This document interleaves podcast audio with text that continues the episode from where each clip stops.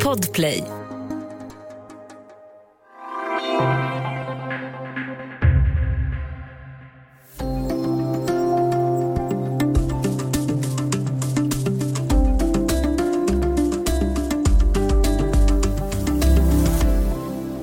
Järvaområdet i Stockholm är känt för sina framträdande kultur och idrottsstjärnor. Men på senare tid har Järva varit tyngt av de många dödsskjutningar som drabbat och utförts av unga från trakten. Frånvarande pappor har pekats ut som en bidragande orsak till att unga hamnar i kriminalitet. Men poliserna i området ser nya tendenser bland familjerna till de unga som skjuter eller skjuts. Hur ser Järvaföräldrarna själva på läget och hur mobiliserar de för att stoppa våldet? Välkommen till Studio DN med mig, Ylky Holago.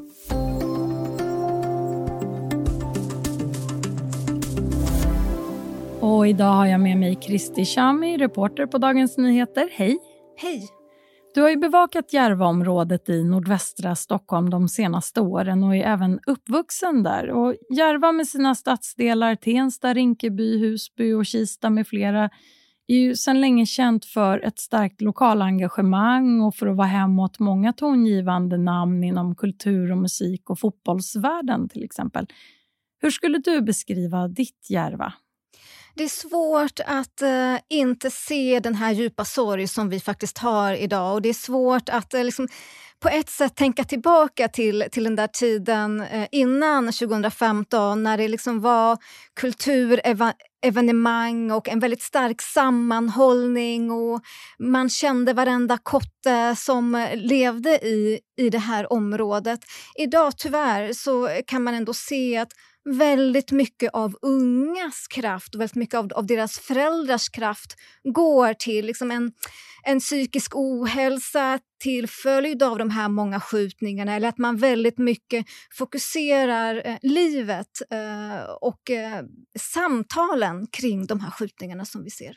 Och När du säger 2015 som en milstolpe, då menar du just eh, året för när det här gängkriget som du brukar kallas startade. Precis. Och De senaste åren så har ju fokus hamnat främst på den negativa spiral av gängvåld och dödsskjutningar där väldigt unga män från trakten drabbas.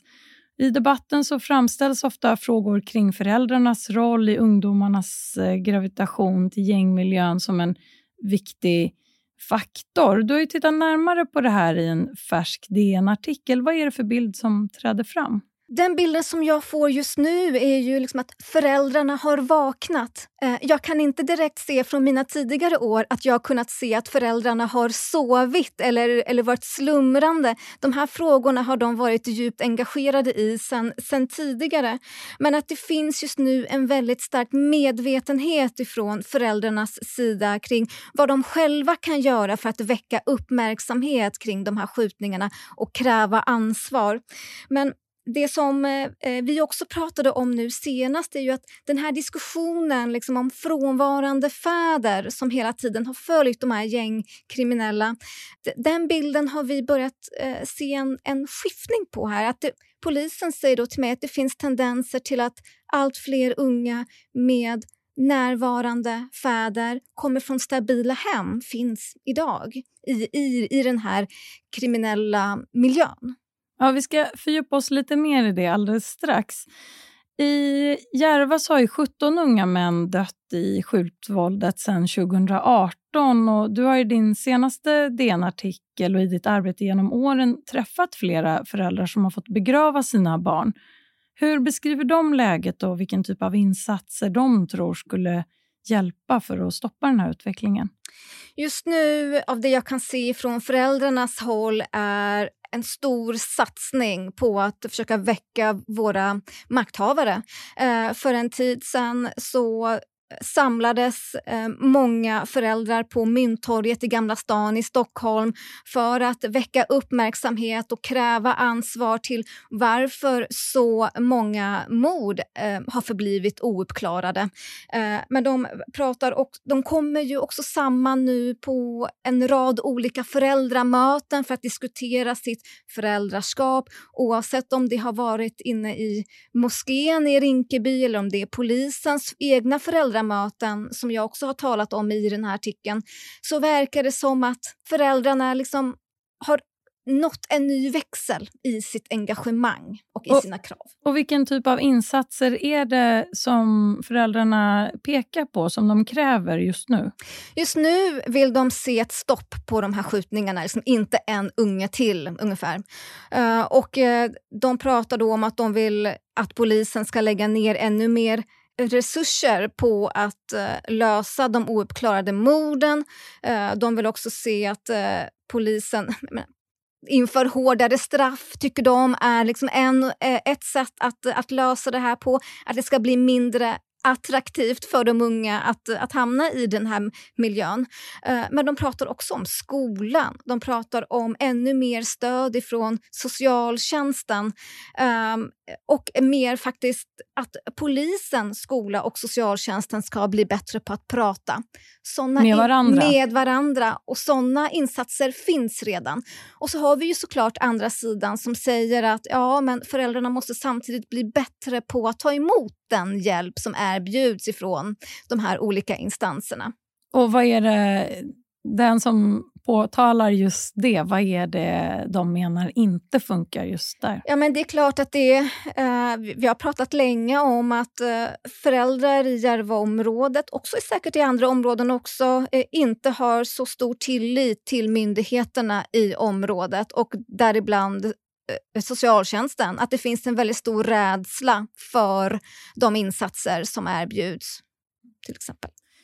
Du har intervjuat Yahya Ahmed som är familjerådgivare i Rinkeby och håller i pappagrupper. Och han säger att citat, många av de papporna har kommit till mig och frågat vad de har gjort för fel och berättat att de har följt sina söner till idrottsträningar och varit engagerade i barnens liv och så ändå har det gått snett. Då. Vad brukar Yahya Ahmed ge papporna för svar på deras frågor?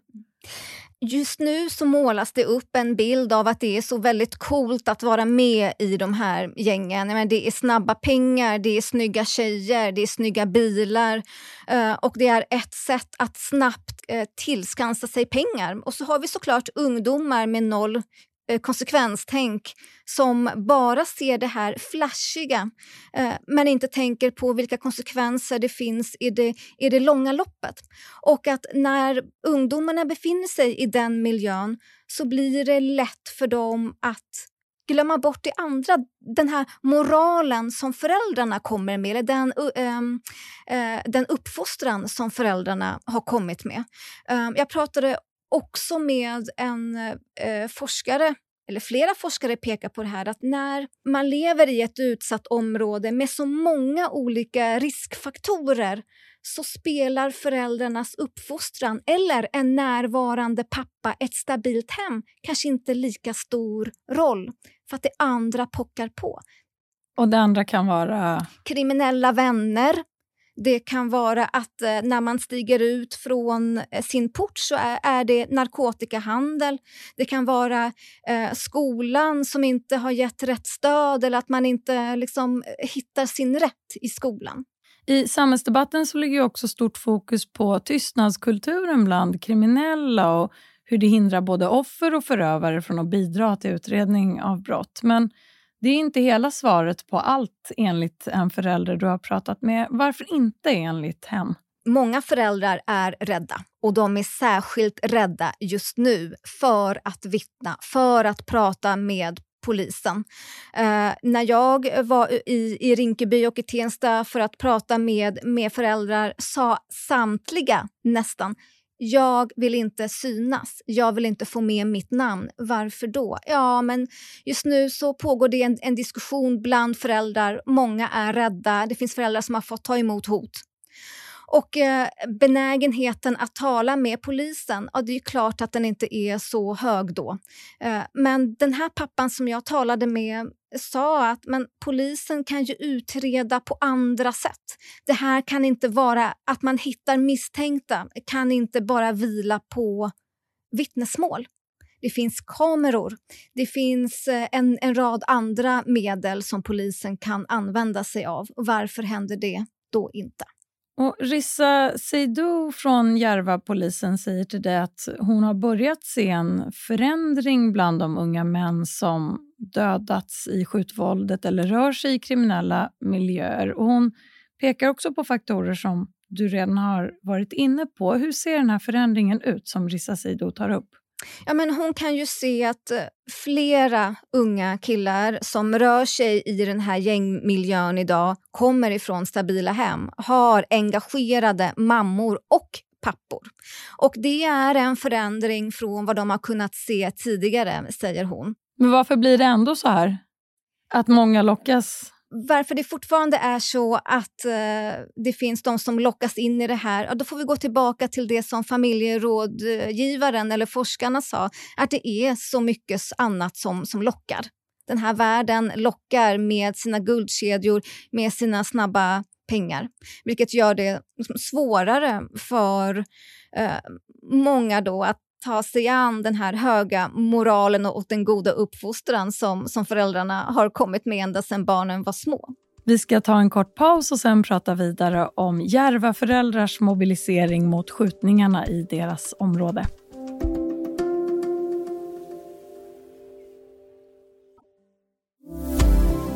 Du lyssnar på Studio DN där vi idag pratar om hur drabbade Järvaföräldrar ser på situationen med de många dödsskjutningar som skett bland områdets unga de senaste åren. Kristi Chami, reporter på Dagens Nyheter. Järva har ju alltid präglats av ett starkt lokalt engagemang och kärleken till sitt område. Hur har det påverkats av de senaste årens krissituation? Ja, men föräldrarna i, i området har liksom samlats kring skolan. Eh, och eh, alltså redan tidigt här nu under 2014, 2015 så fanns det diskussioner om att den här skolan i de här områdena måste förbättras. Undervisningen måste förbättras för att det är en alltför stor andel av unga som går ut eh, högstadiet utan gymnasiebehörighet vilket såklart ger dem allt för få alternativ till att klara ett, eh, ett liv. Men det har också varit många krismöten, krismöten efter skjutningar, krismöten där, där föräldrar har samtalat med polis, med skolan, med stadsdelarna också som har haft en väldigt stor roll i, i det här eh, samarbetet. Men just nu det vi ser så är det ju att de har lagt in en, en högre växel, de föräldrar som jag har träffat. Järvaföräldrar har också startat en ny grupp som har regelbundna möten med polisen. Hur ser det samarbetet ut? Det eh, startades upp eh, i februari, så det har inte pågått under så lång tid och det har ju varit pandemi så att polisen har ju inte kunnat gå ut och basunera ut det här. Men man ser nu att det är allt fler föräldrar som faktiskt hittar dit. Och eh, det som polisen säger till mig är ju att det handlar om att eh, de säger då kapacitera föräldrarna, alltså ge föräldrarna fler verktyg och eh, lite större pondus bland sina barn eh, för att de ska kunna vara, eh, kunna ställa krav på sina barn eh, helt enkelt. Men det handlar också om att eh, berätta var föräldrarna kan få stöd någonstans. Eh, om de har ett barn som eh, behöver stöd från skolan eller, eller socialtjänsten, hur de hittar, hur de navigerar dit. Eh, men det handlar också om att eh, polisen säger att samarbetet med föräldrarna har blivit så tätt att de nu även får fler tips kring eh, vapen. Eh, att, att föräldrar liksom anger sina barn, andra anhöriga anger eh, barnen och säger att här finns det vapen, kom och ta dem. Vilket har lett till att eh, Järvapolisen faktiskt har lyckats få kunna eh, beslagta fler vapen än, än tidigare. Men hur riskabelt är det för föräldrarna? Vi pratade här tidigare om tystnadskulturen och andra så kriminella hederskodex. Vad, vad försätter det föräldrarna i för situation? Jag vet inte. Jag har inget svar på det än, men eh, det, det verkar som att hur ska, hur ska jag säga? Föräldrarna verkar ha fått ett ökat självförtroende i och med den här kontakten av vad jag kan se från eh, vissa. Man, man vågar på något sätt säga till andra föräldrar också anmäl dina barn. De får åtminstone leva, även om de sitter ett par år i fängelset. Att, att föräldrar börjar tala sinsemellan sig på det här sättet och det eh, har jag inte sett tidigare i alla fall. Mm, även om det då, som du har nämnt här, pågått en massa föräldraträffar och informella samtal mellan familjer och Ja. Det här verkar vara ett nytt steg som jag i alla fall um, har fått inblick i. Eh, Hussein Farah Warsam är ju imam i Rinkeby och han leder föräldragrupper och har också lett många av begravningarna för pojkarna som har dödats. Och han säger till dig att det citat, pågår ett skuldbeläggande av föräldrar i medier. Hur menar han att det skuldbeläggandet ser ut? Ja, men föräldrarna i Järvaområdet anser han då har målats ut som eh, inkapabla föräldrar. Att man liksom inte har ställt krav på sina barn att barnen tillåts göra lite som de vill. Även då från det politiska hållet, att eh, man har sagt då att eh, föräldrar vars barn gömmer vapen hemma ska förlora sina hyreskontrakt och så vidare. Att det liksom han anser då att det här har fått fel fokus. Att eh, skulden har lagts på fel personer. Mm. Och var menar han att den borde flyttas istället? Ja, men det som han menar eh, är ju att eh, samhället eller att våra politiker, eh, det, det, är deras ansvar att stoppa vapeninflödet. Eh, det finns frågor som ligger på makthavarnas eh, eh, liksom axlar, menar han.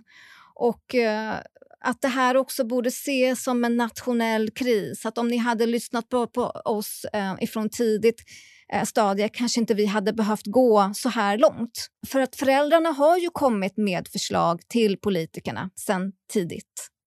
Men när det gäller det här med föräldrars ansvar och uppfostran eh, Martin Marmgren, gruppchef i Järvapolisen tar upp att det finns missuppfattningar bland föräldrar som delvis har påverkat vilka regler och gränsdragningar de sätter för sina barn. Hur då?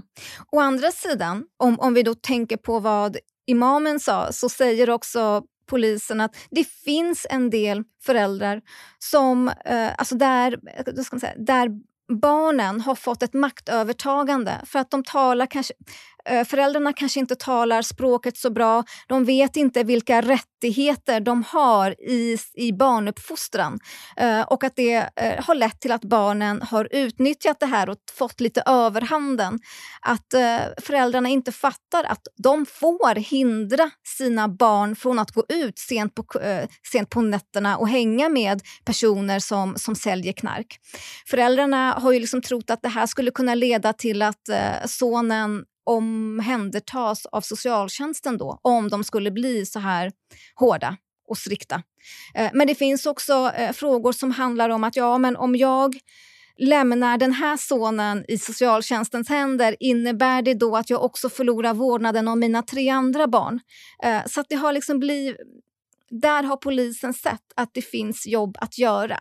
Och bland de järva föräldrar du har träffat den senaste tiden så lyfts olika förslag som att satsa på yngre redan nu för att motverka att de dras in i gängmiljön och många vill också se hårdare straff som du har nämnt här.